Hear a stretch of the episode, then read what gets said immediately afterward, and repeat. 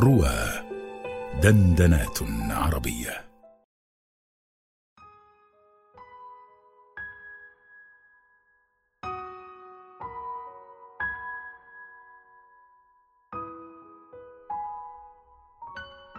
غدر المرأة لمصطفى لطفي المنفلوطي بصوت الراوي محمد توفيق. يقصون في بعض الأساطير القديمة أن حكيما من حكماء اليونان كان يحب زوجته حبا ملك عليه قلبه وعقله وأحاط به إحاطة الشعاع بالمصباح المتقد وكان يمازج هناءته الحاضرة شقاء مستقبل يسوقه إلى نفسه الخوف الخوف من أن تدور الأيام دورتها فيموت ويفلت من يده ذلك القلب الذي كان مقتبطا باعتلاقه. إلى صائد آخر يعتلقه من بعده وكان كلما أبث زوجته سره وشكى إليها ما يساور قلبه من ذلك الهم حنت عليه وعللته بمعسول الأمان وأقسمت له بكل محرجة من الأيمان أنها لا تسترد هبة قلبها منه حيا وميتا. فكان يسكن إلى ذلك الوعد. سكون الجرح الذرب تحت الماء البارد ثم لا يلبث أن يعود إلى هواجسه ووساوسه حتى مر في بعض روحاته إلى منزله في إحدى الليالي المقمرة بمقبرة المدينة فبدأ له أن يدخلها ليروح عن نفسه هموم الموت بوقفة بين قبور الموتى وكثيرا ما يتداوى شارب الخمر بالخمر ويلذ للجبان وهو يرتعد فرق الإصغاء إلى حديث المردة والجان.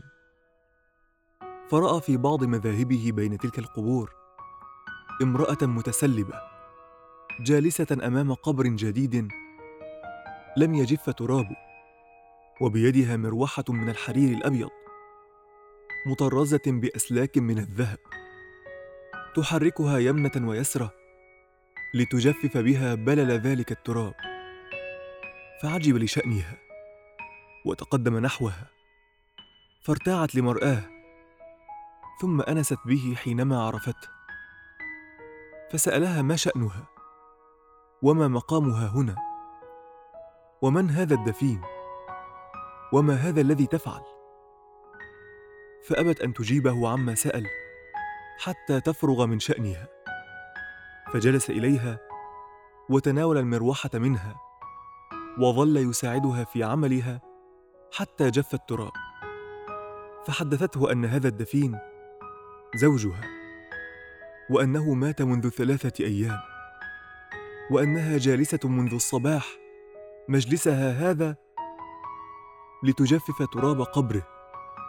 وفاء بيمين كانت قد أقسمتها له في مرض موته ألا تتزوج من غيره حتى يجف تراب قبره. وأن هذه الليلة هي ليلة بنائها بزوجها الثاني فأبى لها وفاؤها لهذا الدفين الذي كان يحبها ويحسن إليها أن تحنث بيمين أقسمتها له أو تخيس بما عاهدته عليه. ثم قالت له هل لك يا سيدي أن تقبل هذه المروحة هدية مني إليك؟ وجزاء لك على حسن صنيعك معي. فتقبلها منها شاكرا بعد أن هنأها بزواجها الجديد. ثم انصرف. وليس وراء ما به من الهم غاية. ومشى في طريقه مشية الرائح النشوان. يحدث نفسه ويقول إنه أحبها وأحسن إليها.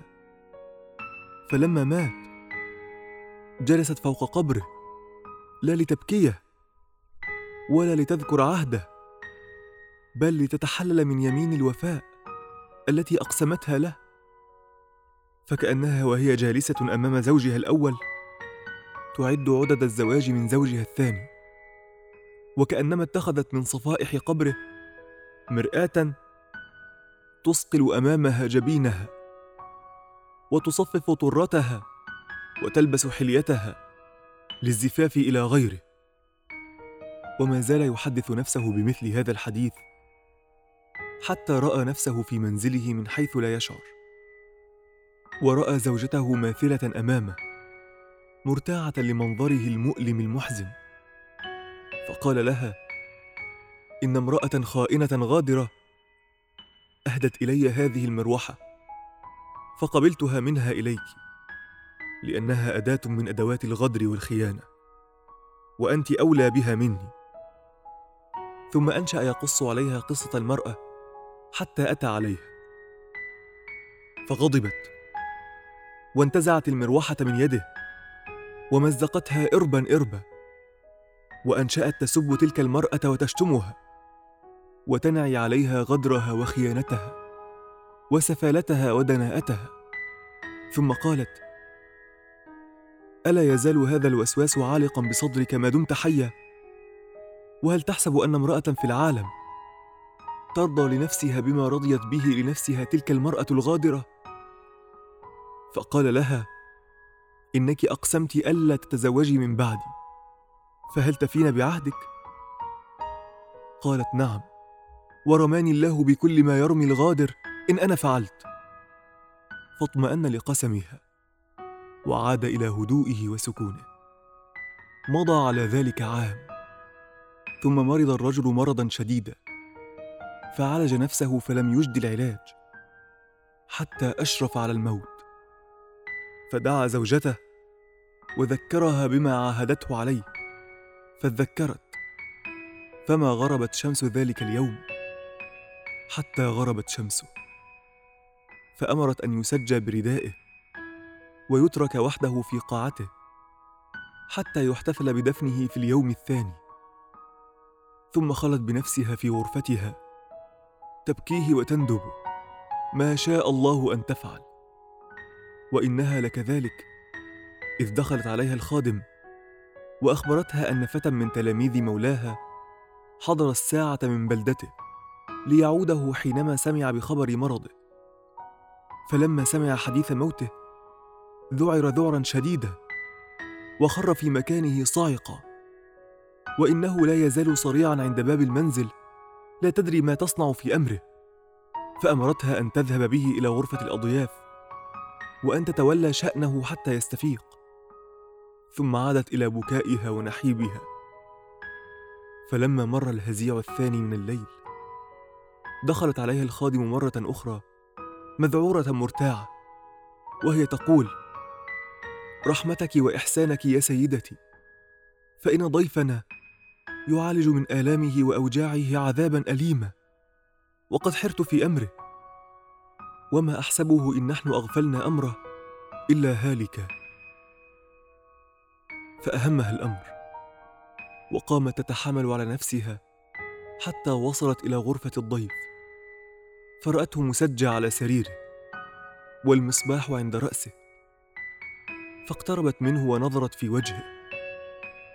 فرأت أبدع سطر خطته يد القدرة الإلهية في لوح الوجود. فخيل إليها أن المصباح الذي أمامها قبس من ذلك النور المتلألئ في ذلك الوجه المنير. وأن أنينه المنبعث من صدره نغمة موسيقية محزنة ترن في جوف الليل البهيم. فأنساها الحزن على المريض المشرف الحزن على الفقيد الهالك. وعناها أمره. فلم تترك وسيلة من وسائل العلاج إلا توسلت بها إليه حتى استفاق. ونظر إلى طبيبته الراكعة بجانب سريره نظرة الشكر والثناء. ثم أنشأ يقص عليها تاريخ حياته. فعرفت من أمره كل ما كان يهمها أن تعرفه.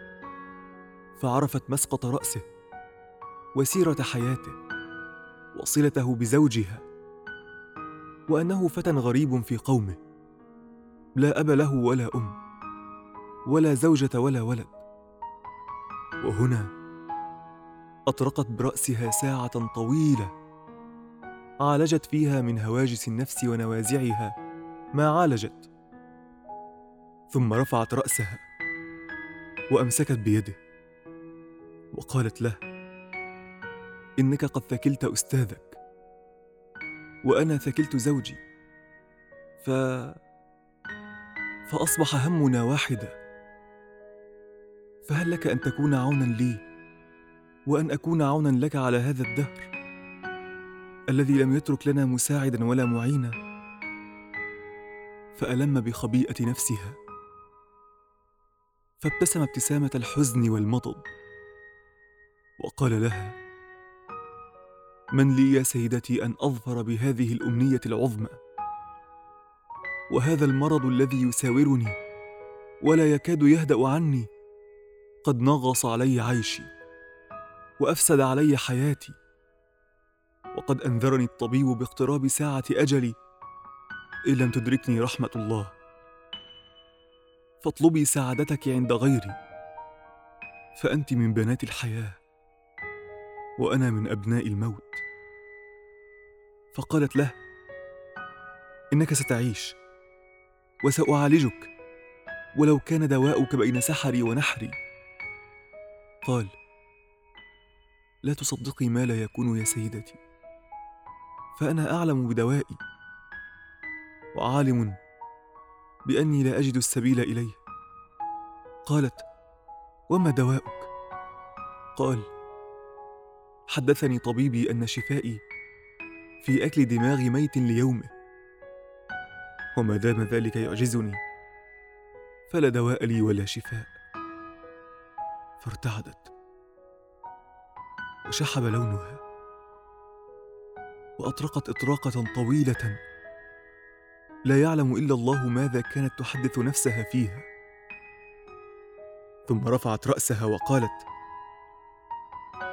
كن مطمئنه فدواؤك لا يعجزني ثم أمرته أن يعود إلى راحته وسكونه. وخرجت من الغرفة متسللة. حتى وصلت إلى غرفة سلاح زوجها. فأخذت منها فاسا قاطعه ثم مشت. تختلس خطواتها اختلاسا. حتى وصلت إلى غرفة الميت. ففتحت الباب. فدار على عقبه وصر صريرا مزعجا. فجمدت في مكانها رعبا وخوفا. ثم دارت بعينها حولها. فلم تر شيئا. فتقدمت لشأنها. حتى دنت من السرير. ورفعت الفأس. لتضرب به رأس زوجها. الذي عاهدته ألا تتزوج من بعده. ولم تكد تهوي بها. حتى رأت الميت فاتحا عينيه. ينظر إليها. فسقطت الفأس من يدها. وسمعت حركة وراءها. فالتفتت. فرأت الضيف والخادم. واقفين يتضاحكان ففهمت كل شيء. وهنا تقدم نحوها زوجها وقال لها أليست المروحة في يد تلك المرأة؟ أجمل من هذه الفأس في يدك. أليست التي تجفف تراب قبر زوجها بعد دفنه؟ أفضل من التي تكسر دماغه قبل نعيه. فصارت تنظر إليه نظرا غريبا. ثم شهقت شهقة. كانت فيها نفسها.